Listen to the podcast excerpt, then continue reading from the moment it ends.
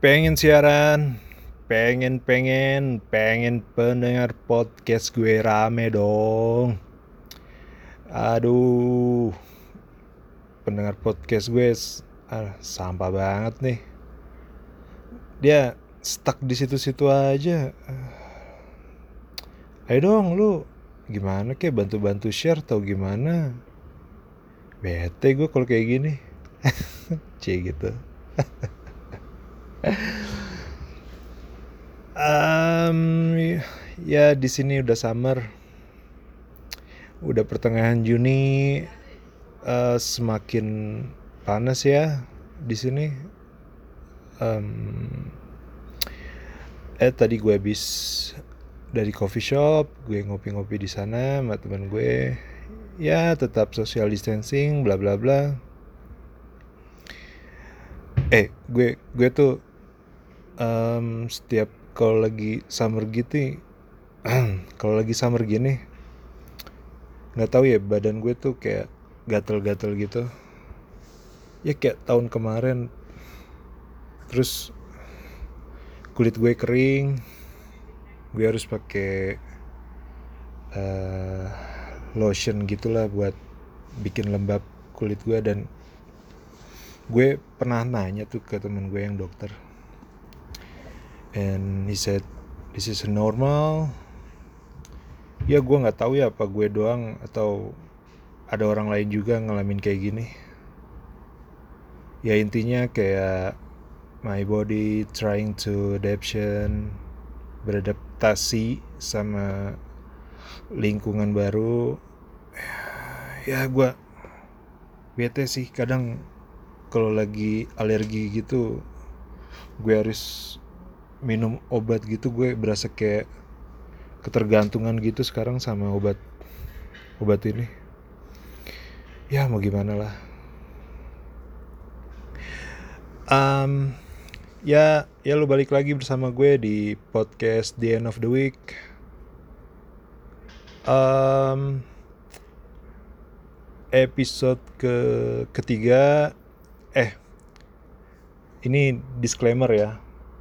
Um, podcast gue tuh um, I'm recording this without a script so bisa dimaklumin ya kalau obrolan gue tuh suka loncat-loncat.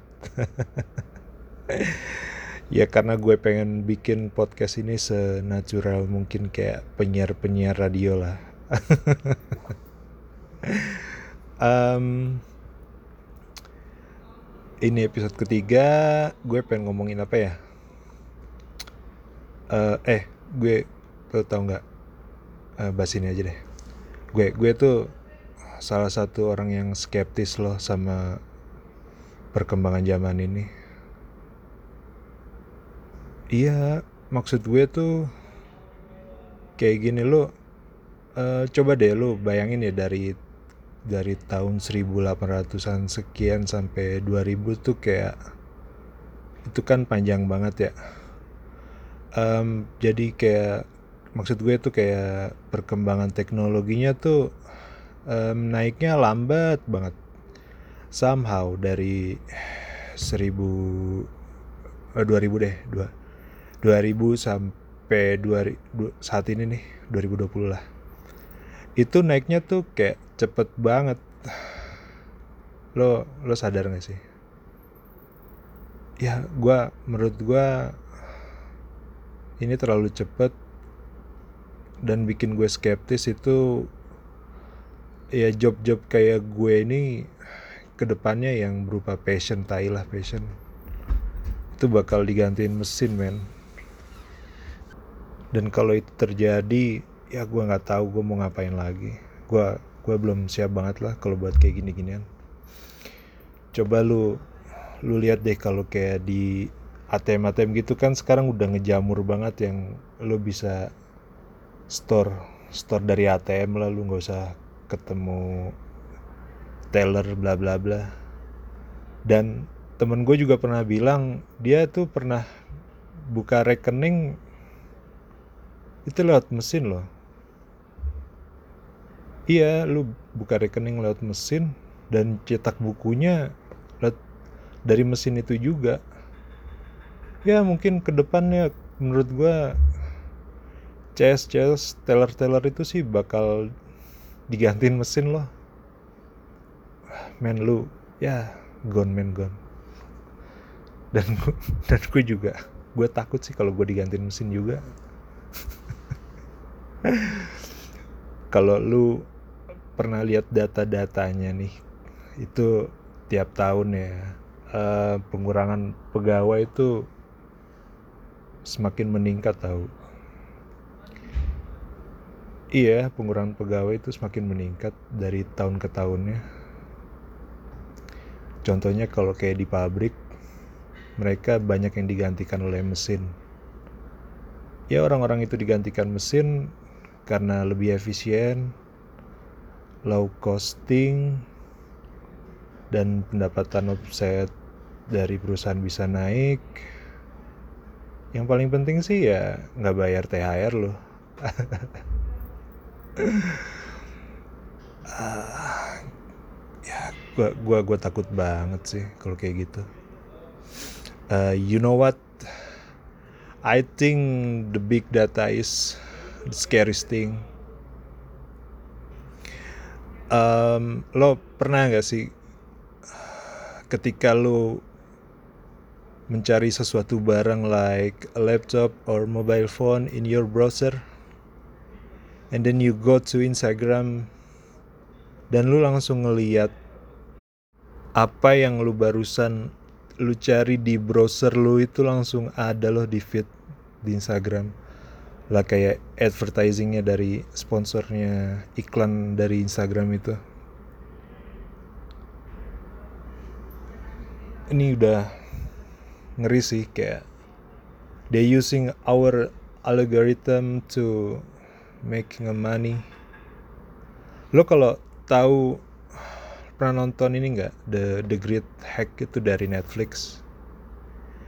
Dia dia film dokumenter gitu ya um, nyeritain skandalnya Cambridge Analytic um, ya jadi film ini berfokus pada eksploitasi data pribadi gitu untuk propaganda lah bagaimana data pribadi via platform digital itu bisa dipanen dan mencelakakan kita.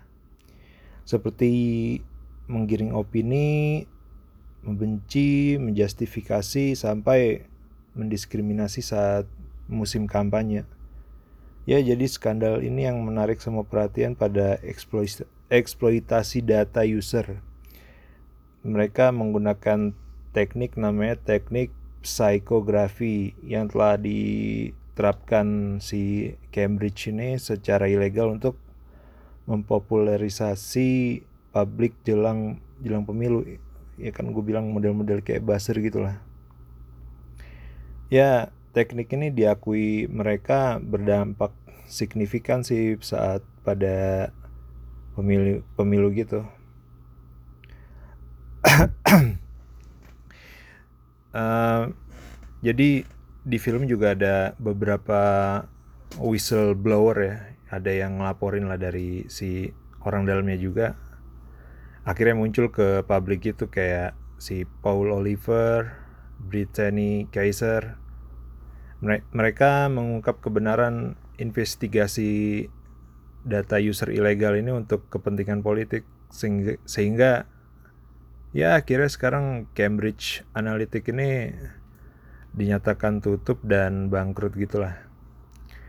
Jadi di di sini tuh ada beberapa poin yang ditegasin ya bahwa uh, valuasi data user kini nilainya melebihi harga minyak bumi gitulah dengan dimonopolinya beberapa mogul teknologi. Lu lu tahu mogul nggak sih?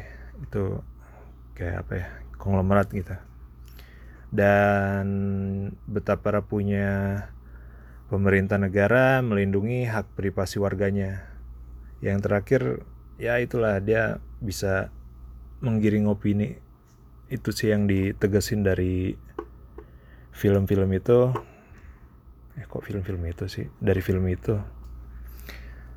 Ya menurut gue perkembangan zaman ini uh, ada kerennya ada seremnya sih. Uh, gini gini kerennya gue kasih tau dulu deh. Kerennya nih ya ya menurut gue um, ke depannya orang-orang bodoh itu menurut gue udah nggak ada sih. Dia dia hilang lah. Punah malah.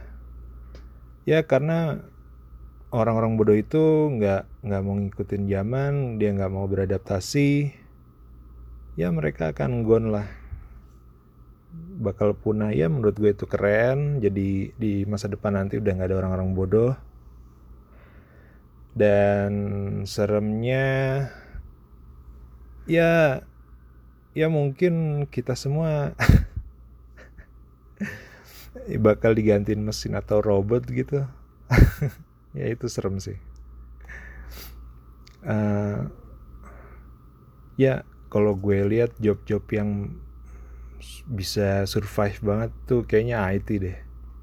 Ya mereka bisa survive banget sih. Um, ya mungkin kalau gue punya anak juga gue suruh sekolah IT lah. Pergi pergi IT sana lo. Bapak maunya IT lah. Uh, ya ya mungkin itu aja ya dari dari gue. Cukup sudah cukup sudah.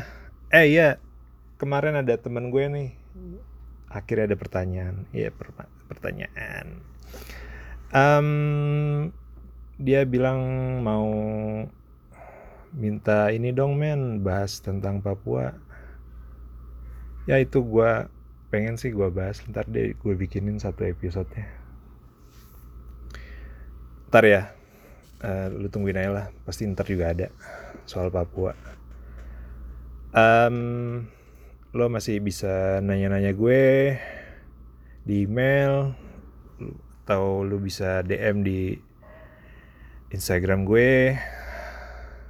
Um, see you next week. Bye